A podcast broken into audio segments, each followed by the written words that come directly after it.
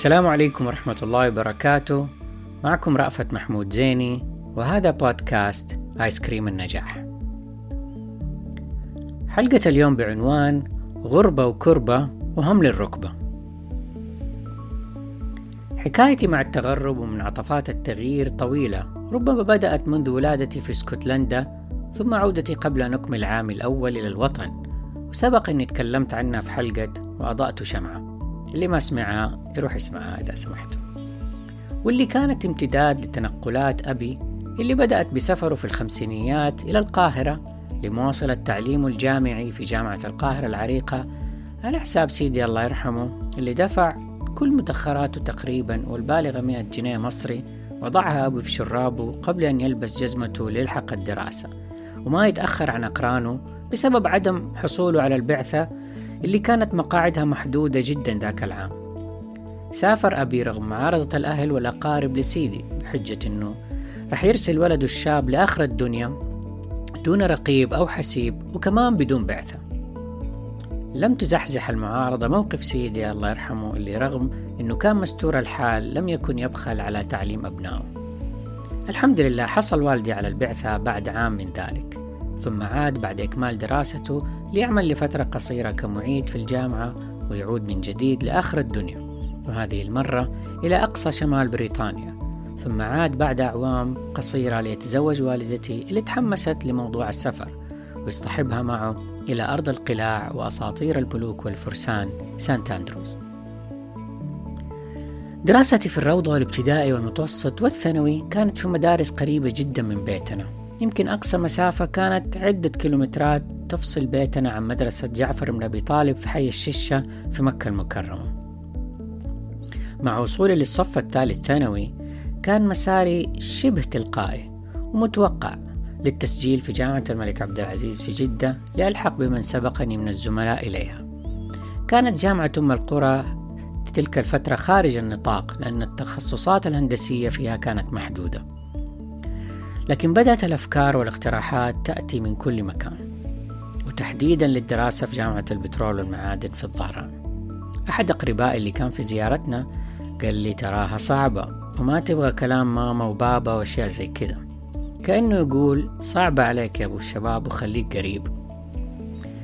كان معي في نفس المرحلة خالي عبد الرحيم اللي أكل دماغي بالقصص اللي يحكيها عن جامعة البترول متأثرا بحكايات أخو صديقه في المرحلة الثانوية عمر بحبيل اللي هو المهندس صلاح بحبيل اللي كان يدرس في الجامعة في تلك الفترة. في المقابل كان صديقي وقريبي ياسر بهادر يحاول يقنعني بالجامعة. فاستمرت حيرتي بين اختيار القرب من الأهل والفلة مع الأصحاب أو الرحيل إلى المجهول.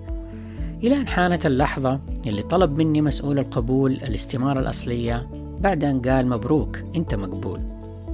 وجدت نفسي تلقائيا أسلم إياها دون أن أنطق بكلمة. بعد خروجي من مقر الاختبار في قاعة الأحوال المدنية في حي الحمرة في جدة لم يصدق زملائي ما قمت به. وتعالت التعليقات إيش يوديك آخر الدنيا؟ وربما كلها سنة وترجع. حتى أنا كان لي حظ من المفاجآت. فأحد أكبر المحمسين لي قرر دخول كلية الطب في آخر لحظة والبقاء في جدة وأصبح الدكتور ياسر. عدا خالي العزيز اللي سبقني للجامعة وواصل دعمه لي في مرحلة التأقلم مع الحياة الجديدة. ما أحتاج أقول إن أمي وأبويا كانوا فرحانين جدا بسفري لأني زودت عيار الفلتة والفلة مع الأصحاب في آخر أيامي.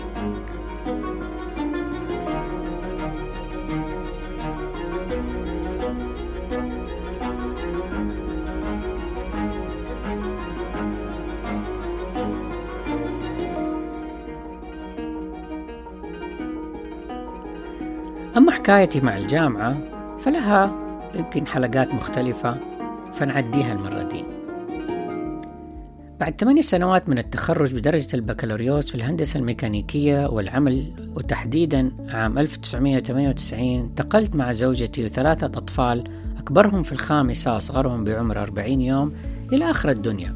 وتحديدا إلى جامعة بوردو في وست لافايت بولاية إنديانا. لدراسة الماجستير في هندسة الطيران وخوض تجربة تأسيس بيت من جديد وعودة إلى مقاعد الدراسة اللي كانت مؤلمة وممتعة في نفس الوقت. وبرضه هذه لها حكاية تانية. عدت بعد التخرج مباشرة للعمل من جديد بعد سنة ونص تقريبا وتحديدا ليلة رأس السنة الميلادية للعام 2000 اللي استقبلناه ونحن على متن طائرة الخطوط الألمانية لوفتهانزا وهي شبه خاوية.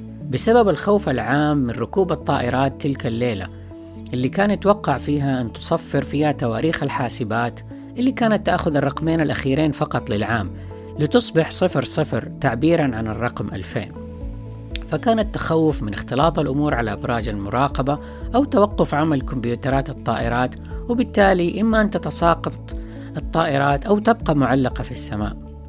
ما أخفيكم أنه كانت فرصة للأولاد يبسطوا ويبنوا قلاع وحصون بالبطانيات في الطائرة.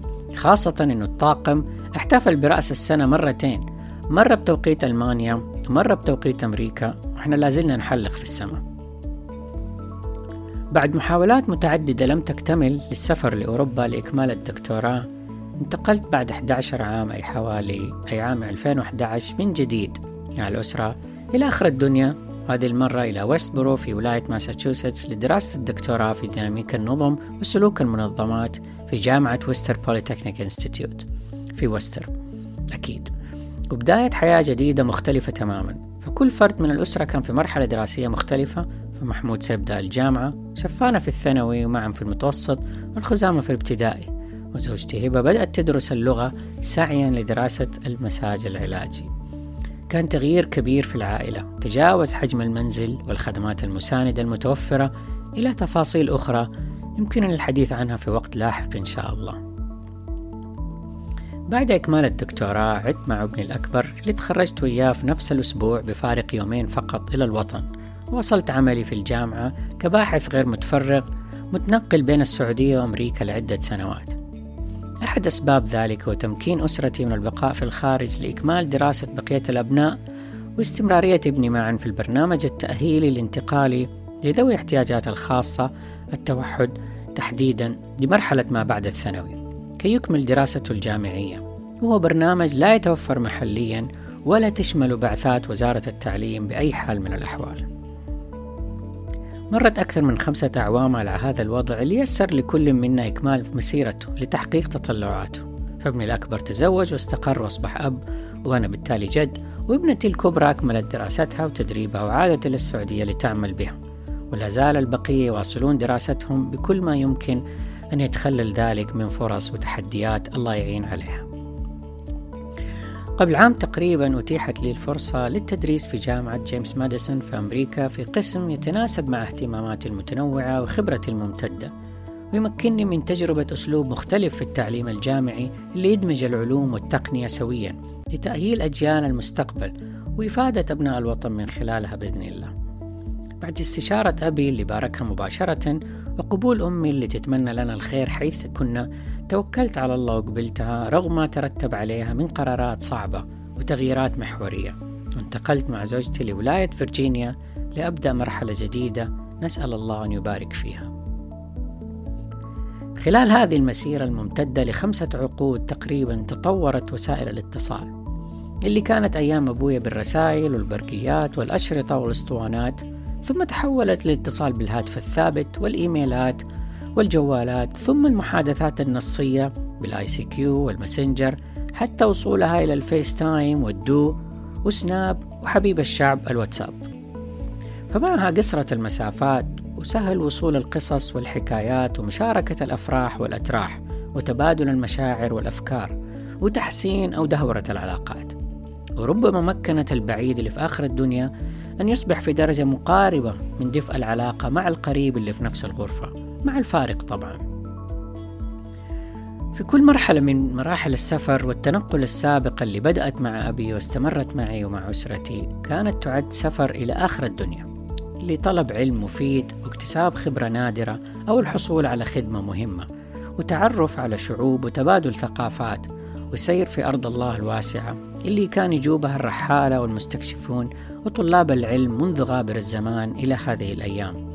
ولمسوا فوائدها بل ومدحوها في كتاباتهم وشعارهم. ولا شك أيضا بأن تسهيلات الحياة وتطور وسائل الاتصال غيرت كثير من مفهوم المثل المعروف غربة وكربة وهم للركبة. وسلامتكم.